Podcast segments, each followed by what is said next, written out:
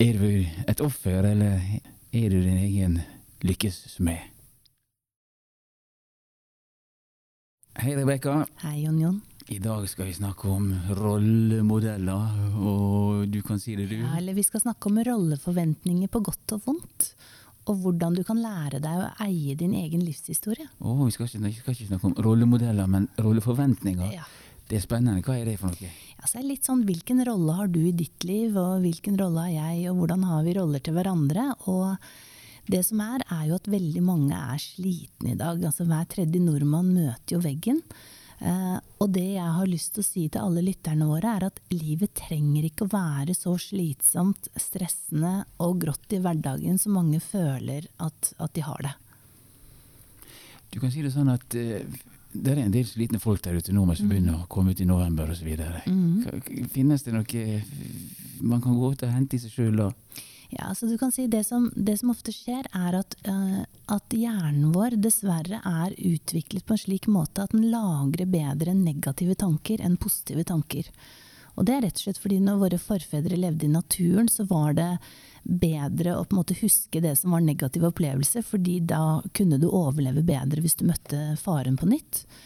Men i, i dagens samfunn så er det jo det at vi egentlig ikke har noen grunn til å være så redde for bjørner i gaten og, og, og alt dette. Så veldig mye av vår si, frykt sitter jo egentlig i vår egen, kall det negative tankeskravling.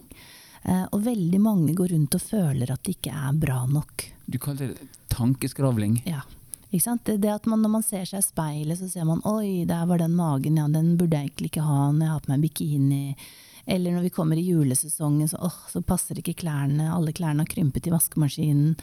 Altså, eller at jeg rekker ikke jobb-deadlinen, eller jeg rekker ikke å, å ringe hun venninnen som er midt i en skilsmisse, eller hva det måtte være. Og det jeg pleier å si da, det er at du må rett og slett omprogrammere hjernen litt.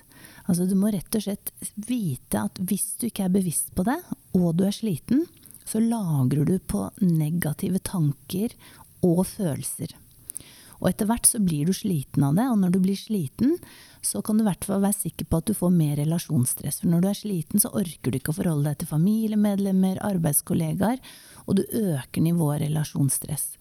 Så det jeg vil si er at her kan vi bruke det som man ofte bruker fra positiv psykologi, og som man bruker mye i toppidretten også, det man kaller positive affirmasjoner.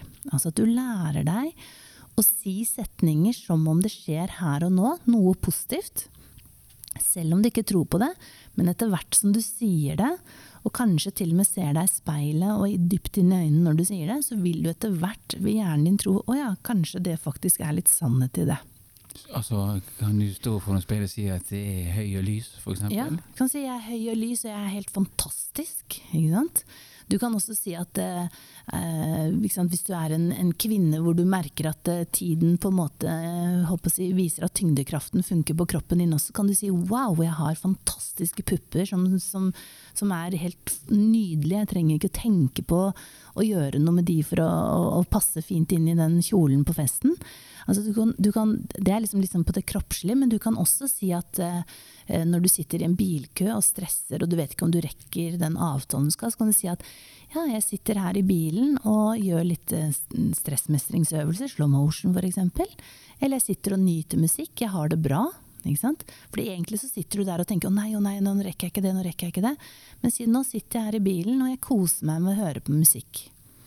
Eller så kan du si at i dag så skal jeg eh, spise sunt, men jeg skal skeie ut med en god dessert, og det kommer til å gå helt bra. Fordi veldig mange stresser med å spise så veldig sunt. Eller du kan f.eks. si at eh, når jeg går inn i styrerommet, så kommer jeg til å, å overbevise alle om at min plan er riktig.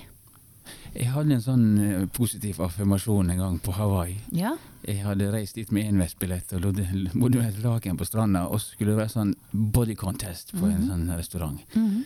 Uh, masse svære gutter, og jeg stilte opp. Mm -hmm.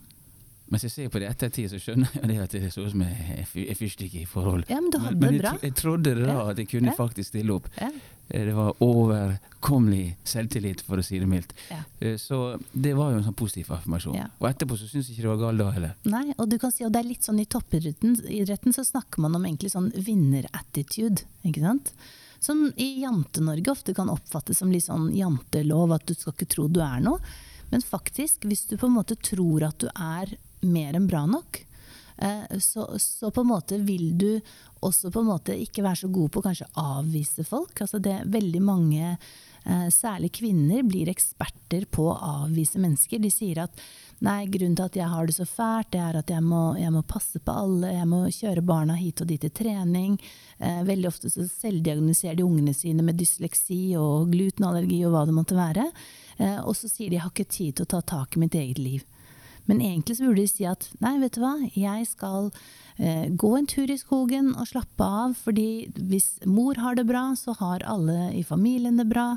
Altså, du må rett og slett ta litt plass, du må ta ansvar for at når du er sliten, at du ikke hele tiden på en måte, hva skal si, skylder på de andre. Det er sånn, litt sånn i den tiden vi lever nå, med metoo-hashtag, hvor folk har følt at de har vært i overgrepssituasjoner. Mange har det, men mange bare føler at de har vært det. Overgrep eller det de Ja, altså du kan si hvis du har levd et helt vanlig tenåringsliv, så vil du ha en del situasjoner du på en måte følte ikke var så bra. Det er en del av å på en måte eh, si, å lære livet. Hvis du, hvis, du, på en måte har kysset en gutt som tenåringsjente, og kanskje til og med hatt sex med han, og så etterpå så fikk du vite at han, han gikk og klinte med venninnen din, så ble det ikke den vakre kjærlighetshistorien. Da vil du kanskje føle at nei, jeg hadde jo egentlig ikke lyst på den sexen. Eh, og, og, så, og, så, vrir man om. Og, og det er rett og slett fordi man følelsesmessig føler seg liksom avvist at man ikke har det. Og da er det veldig lett å ta med den avvisningsfølelsen inn i andre forhold videre. De fleste som er i forhold, eh, og hvis du er sammen med en som har hatt kjæreste før, merker at, at du får mye av dritten fra det forrige forholdet inn i ditt forhold. Fordi vi klarer ikke å slippe de negative følelsene, for de lagrer seg. Og man pleier å si at menn de husker ting i tre uker, mens vi kvinner vi glemmer aldri. Nei, så en, så en, enkel episode som du oppfatter, kan oppfattes som et overgrep eller en trakassering ja, som ja, fordi det gikk ikke sånn som det var, ikke sant. Ja. Uh, og du kan si samtidig så tenker jeg også at det er viktig å eie sin historie. Uh, jeg har jobbet mye med folk som, som også er syke, f.eks. kreftoverlevere. Og da handler det litt om å ta et valg. Ønsker du å være en kreftpasient hele livet, som kanskje lever med senskader? Eller ønsker du å være en kreftoverlever? Og jeg syns det er så flott med ungdomsgruppa i Kreftforeningen. De har slager som sier 'friskere enn de fleste', fordi de sier det er sjelden at noen har sjekket deg så mye som en ung kreftpasient. Uh, og de tar den samme vinnerattituden som toppidrettsfolkene og sier at ja, vi har vært gjennom masse dritt og sykdom, men vi er overlevere, og derfor skal vi i hvert fall ha det gøy i livet. Så det handler om valg, og det vi gjør er at vi må erkjenne at i vår verden så har vi nesten en sånn mulighetstyranni når det gjelder å ta valg. Vi, har, vi kan velge skal vi dra til Syden, eller skal vi dra til, til eh, fjellet i ferien. Skal jeg ha på meg det fancy skjørtet, eller skal jeg ha på meg den uh, dyre jeansen? Det er hele tiden valg. Og det veldig mange gjør, det er at når de på en måte ikke er bevisst at de har et valg, så, så, så, selv om de da gjør noe, så sitter de og tenker å, jeg burde ha gjort alt det andre. Vi burde ha tatt en, en hytte på fjellet istedenfor ved sjøen. Så, så sitter de da i sitt gode liv og er misfornøyde med livet og tror at naboen har det bedre. Så det blir en sånn uendelig sånn syting over at jeg har det så fælt. Så der vil jeg si, der bør man lære seg å være glad for hva du har være bevisst på at hvis du er misfornøyd, ja, så ta et annet valg, da.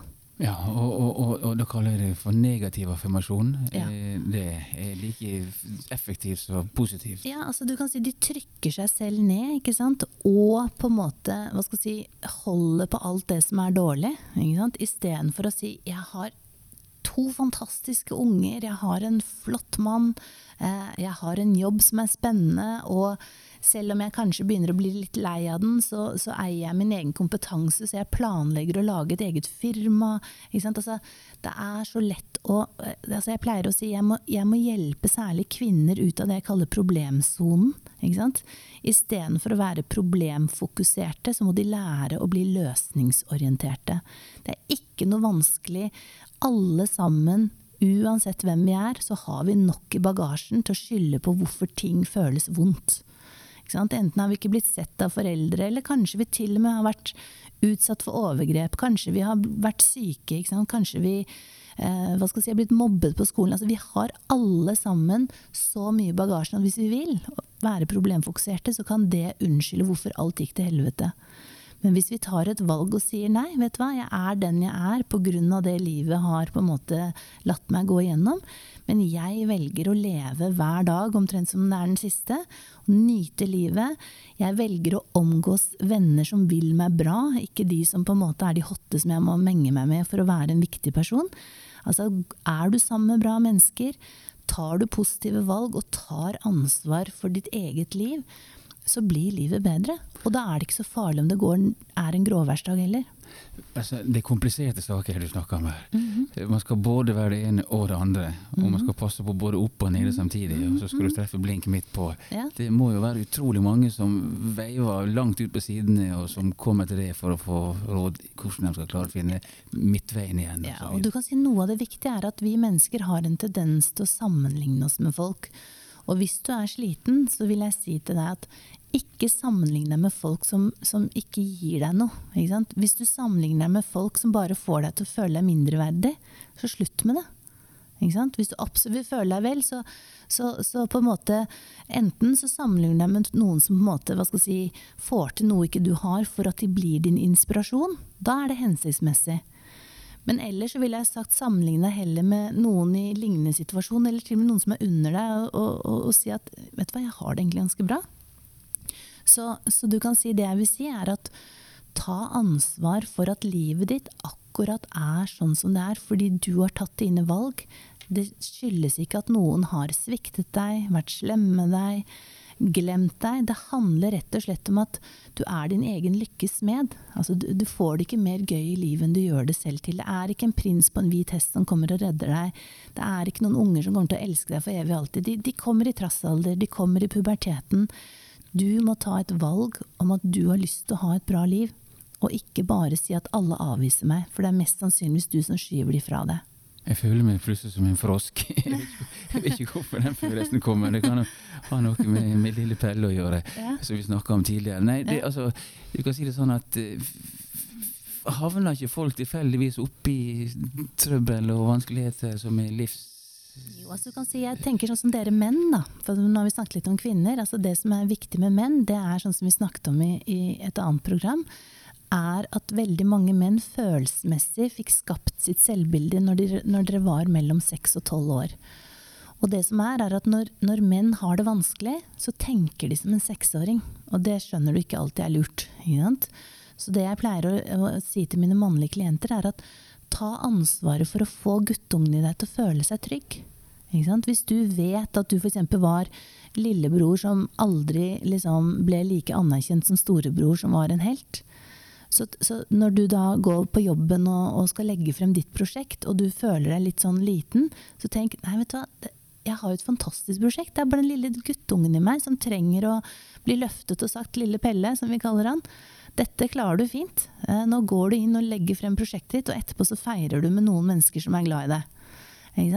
Så du kan si, og Det er på samme måte at, at menn ofte liksom føler seg utilstrekkelige overfor kvinner. Hvis du plutselig har en, en, en, kone som tjener mer enn deg, så skal, så hvis lille Pelle sier 'å nei, det er skummelt, fordi jeg må jo tjene mest', så bør den voksne mannen i deg si 'nei, vet du hva, jeg tar det valget', og dulle-lulle litt med Pelle, og så sier jeg til kona mi 'fantastisk at du tjener to millioner', for da kan jeg være litt hemmafru og kose meg med det'. Så det handler litt om at hver gang vi føler oss ille, så kan du stoppe opp. Hvorfor gjør jeg det egentlig? Hvorfor føler jeg meg ikke bra nok? Og så på en måte ta et valg som går i si, den, den, den, løsningsorienterte veien, istedenfor å si 'å ja, jeg føler meg ikke bra nok fordi et eller annet som er fra fortiden, henter deg inn'. Og, og, og, det er det samme som at, at du må rett og slett tro at du er verdensmester når jeg jobber med toppidrettsfolk tro at du er verdensmester, og jeg lover deg det blir lettere å vinne gullmedaljen. Ja, og ord og affirmasjon. Ja, positiv affirmasjon. Og helst altså Forskningen sier at du skal tenke mellom fem til åtte positive tanker for å slette én negativ tanke. vi, vi setter i gang med en gang. Takk skal du ha, Rebekka. Bare hyggelig. Takk til de som har hørt på. Vi høres siden. Det gjør vi. Ha det bra. Ha det.